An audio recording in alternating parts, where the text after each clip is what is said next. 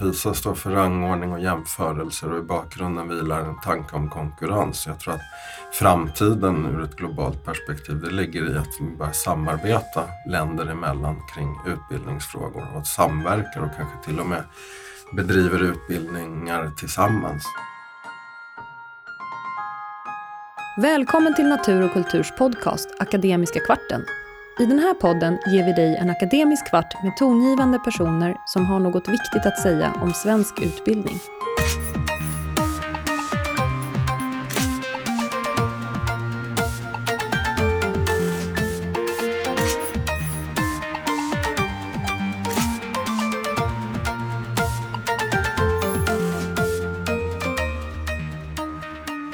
Jag heter Niklas Gårdfeldt Livi och är utgivningschef för pedagogisk litteratur på Natur och kultur. Idag träffar jag Christian Lundahl, professor i pedagogik vid Örebro universitet. Idag sitter vi på Natur och kultur i Stockholm och eh, dagens gäst är ingen mindre än professor Christian Lundahl, professor i pedagogik vid Örebro universitet. Skulle du kunna berätta lite grann om eh, hur du hamnade där du hamnade nu? Som forskare? Mm. Ja, det började med att jag läste pedagogik just vid Örebro universitet och tyckte att det var väldigt intressant. Jag fick stor förståelse för min egen skolgång och eh, varför den hade tagit de svängar som den kanske tagit. Och eh, sen läste jag vidare i Stockholm eh, filosofi, antropologi och sociologi och när jag var klar så sökte jag sommarjobb på Skolverket och fick först uppmuntran att ringa till vaktmästeriet och fråga om de hade någon, någon plats där. Och då sa jag att jag hade skrivit en uppsats om elevers inflytande. Då skulle Skolverket just dra igång ett par stora projekt kring det. Så fick jag börja jobba en sommar med de projekten och sen kom jag tillbaka in i de projekten ett halvår senare när jag hade tagit min fil. kand.-examen och sen blev jag kvar på Skolverket till från 94 till år 2000 då jag blev erbjuden en, en doktorandtjänst vid Uppsala universitet. Så på den vägen är det. Mm. Och du bestämde dig ganska tidigt för att du ville försöka bli professor innan du fyllde 40 har du berättat. Ja, det var mina föräldrar undrade vad, jag skulle, vad det skulle bli av mig när jag var 18-19 och då hade jag precis börjat läsa, jag hade läst en termin på, på högskolan och då i Örebro och kände att jag vill nog bli professor. Det, det verkar roligt och mm. ju förr desto bättre. Um, du har varit redaktör tillsammans med Joakim Landahl för en bok som uh, heter Bortom PISA som är en introduktion till uh, internationell och jämförande pedagogik. Uh, skulle du kunna berätta vad det här vetenskapliga fältet är för någonting?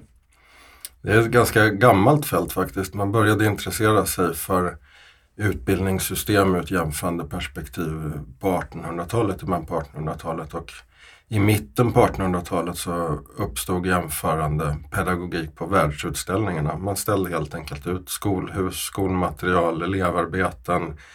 Det finns även exempel på att Maria Montessoris lärjungar undervisade bakom en glasvägg i flera månader så att man kunde se och lära hur Montessori-undervisning kunde se ut.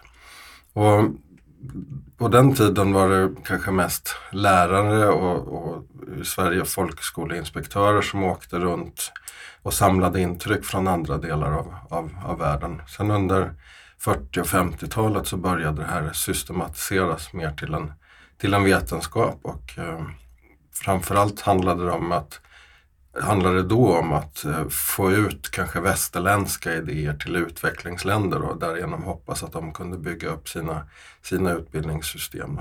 Men i, i samband med att man gjorde det såg man ju att det var inte helt enkelt att bara flytta en tanke från ett land till ett annat utan att det är väldigt, utbildning är väldigt kontextberoende. Det beror mycket på kultur, religion, politiska traditioner, läraryrkets traditioner Eh, hur, hur det blir både i, i teori och praktik. Då. Så att den senare tidens eh, internationella och jämförande pedagogik har mer handlat om att problematisera just möjligheterna till jämförelser och lära av varandra. Under vilka betingelser funkar under vilka fungerar det inte och vad måste man tänka på när man tittar på ett annat lands system innan man så att säga lånar in tankegångar och strukturer och politik från det landet till det egna landet. Och på samma sätt kanske man bör tänka lite på hur man exporterar sitt eget lands idéer och inte slår sig för bröstet och tror att det här, här var jättebra för alla länder. Och den, den problematiken såg vi en del under 50 och 60-talet. Det blev ett väldigt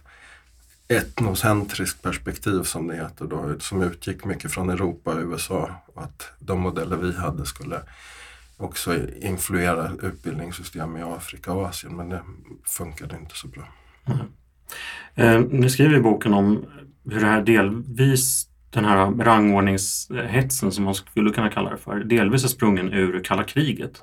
Mm. Eh, skulle du kunna berätta lite grann om det?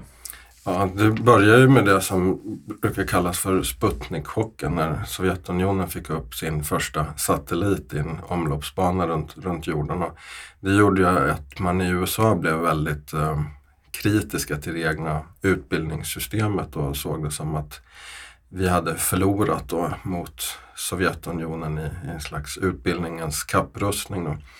Eh, och därigenom så blev det viktigt att hitta verktyg för att jämföra utbildningssystem och också att liksom kora segrar och, och förlorare. Och ur den, ur den andan så uppstod då först och främst de här IEA-studierna. Eh, och sen kom OECDs PISA-studier, inte för att de kanske primärt syftade till att kora vinnare och förlorare men att de bar med sig den här tanken om, om hur viktigt det var att kunna rangordna utbildningssystem. Mm. Och OECD är ju i grunden en ekonomisk samarbetsorganisation. Mm. Så det är ju intressant i sig att det är OECD som vi eh, vänder oss till när vi vill se hur tillståndet ser ut i svensk skola, kan man ju tycka. Ja. Eh, och tänker på, du brukar ju visa bilder också från de här världsutställningarna. Då, en som alltid drabbar mig när, jag, när du visar den, det är den här bilden där det står undervisningspalats.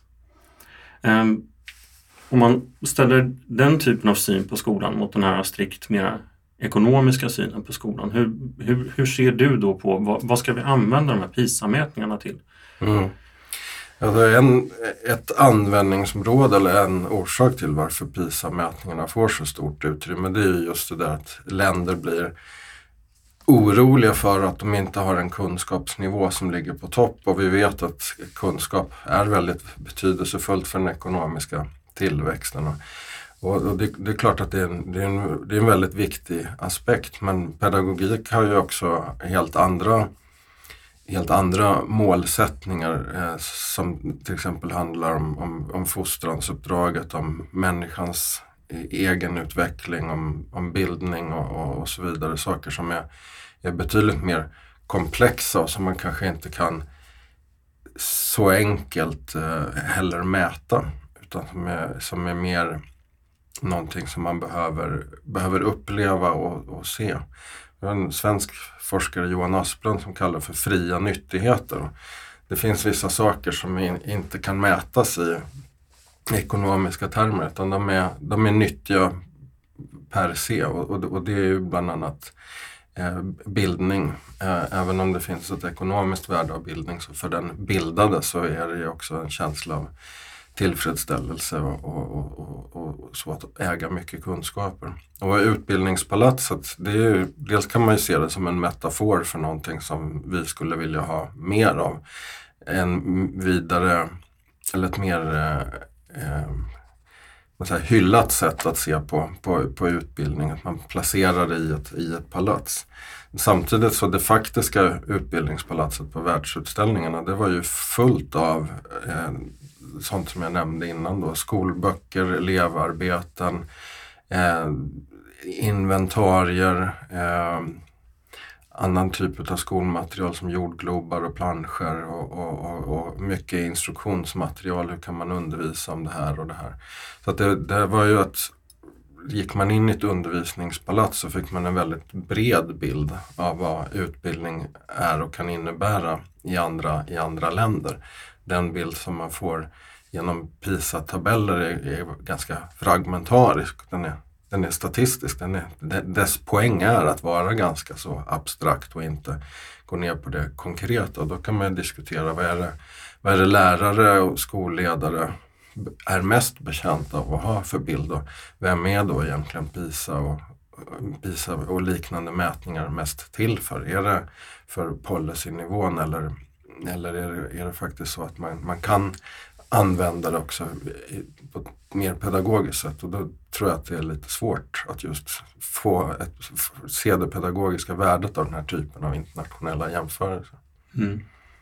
Eh, om jag får stanna lite eh, tvärvalls fråga till då. Om man tittar på PIAC som mäter samma eh, saker som PISA mäter fast i den vuxna befolkningen så kan man ju följa det här fallet i PISA-mätningarna eh, i den vuxna svenska befolkningen. Borde vi inte vara oroade över det här fallet? Om jag ställer frågan lite grann på sin spets. Mm. Ja, men vi ska ju absolut ta PISA-resultaten på, på allvar. Snarare jag tror jag att man ska kanske besinna sig lite kring hur vi ska gå vidare från, från de här resultaten och inte så snabbt titta på enkla lösningar från andra länder. För OECDs PISA-studier ger inga orsaksförklaringar till, till resultaten. Det är en, det är en trendanalys och, och vi bör följa de trenderna och vara oroade för när resultaten går ner men verkligen också ta tid att tänka igenom vad, vad kan vara möjliga och bra vägar ur det och inte att, att motverka att politiker alltför lättvindigt kastar ur sig en, en, en, enkel lösning på ett problem som kanske är mycket mer komplext. Mm. Jag kommer att tänka på också någonting som du brukar prata om. Eh, det med alltså hur PISA-resultaten tas emot i olika länder. Det skiljer sig åt väldigt, väldigt mycket. Mm. Eh, du har också gjort du har också visat väldigt intressanta bilder från eh, nätet. Eh, där du använder dig av eh, PISA-mätningarna. Skulle du kunna berätta lite om, mm. om de två frågorna? Ja, men det är intressant om man, om man googlar på PISA Eh, och så trycker man i att man vill ha det visat på, på bilder och så går man till olika länders toppdomäner och googlar på det landets egna språk. Då, då kan man se tydliga skillnader då. Eh, generellt så finns det ett mönster av att högpresterande länder, då får man upp fler bilder på glada barn. Lågpresterande länder får man upp fler bilder på bekymrade vuxna. Men vi kan också se att Sverige sticker ut väldigt mycket med att ha diagram över alltså en trendutveckling över tid. Då.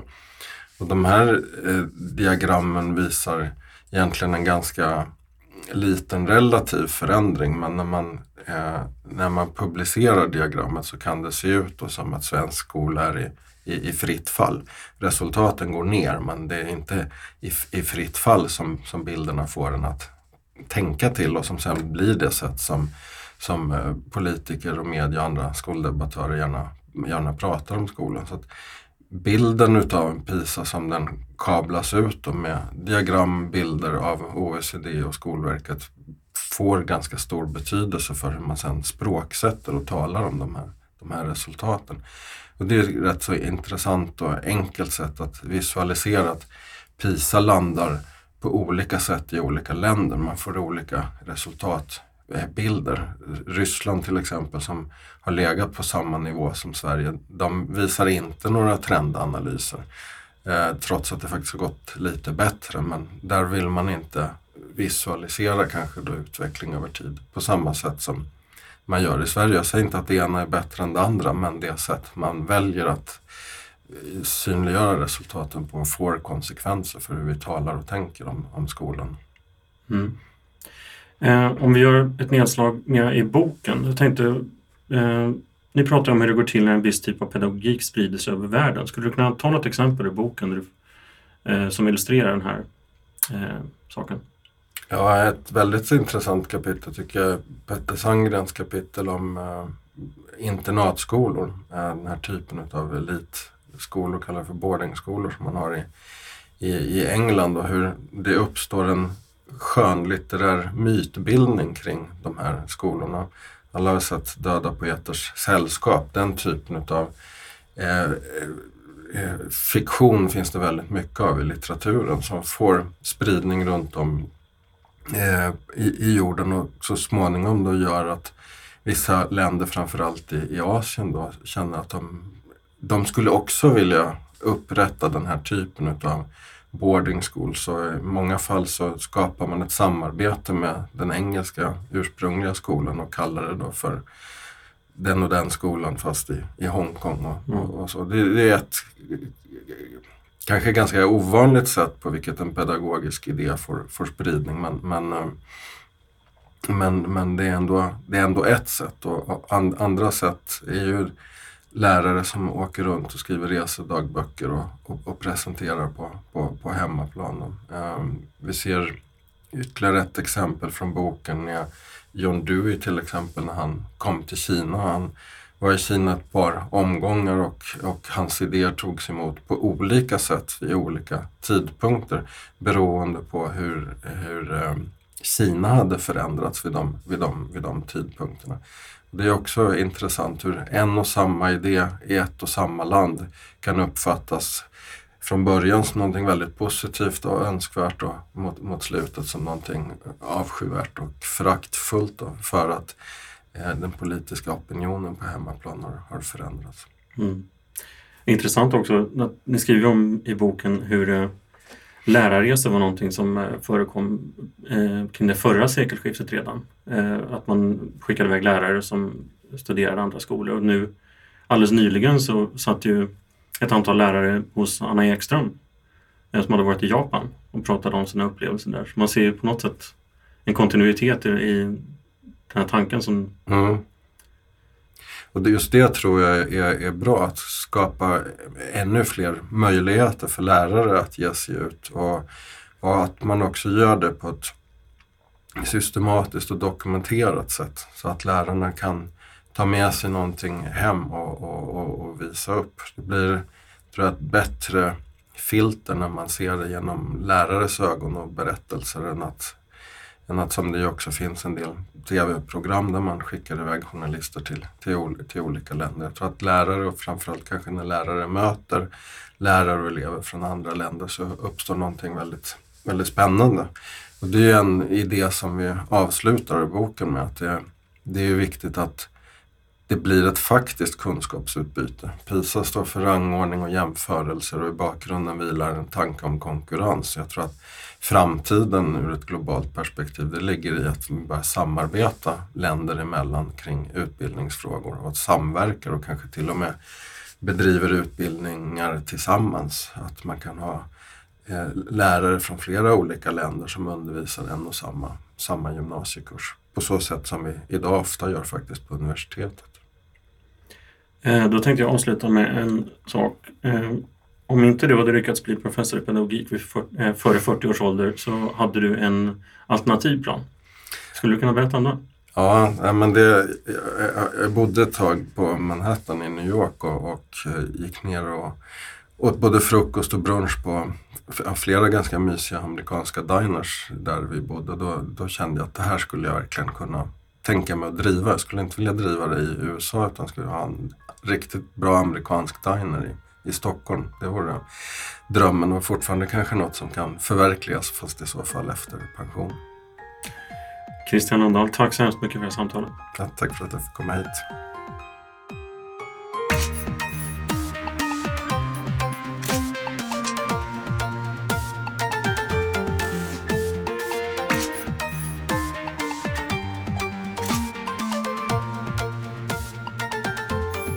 Förlaget Natur och kultur är en stiftelse som utan ägare kan agera självständigt och långsiktigt. Vårt mål är att genom stöd, inspiration, utbildning och bildning verka för tolerans, humanism och demokrati.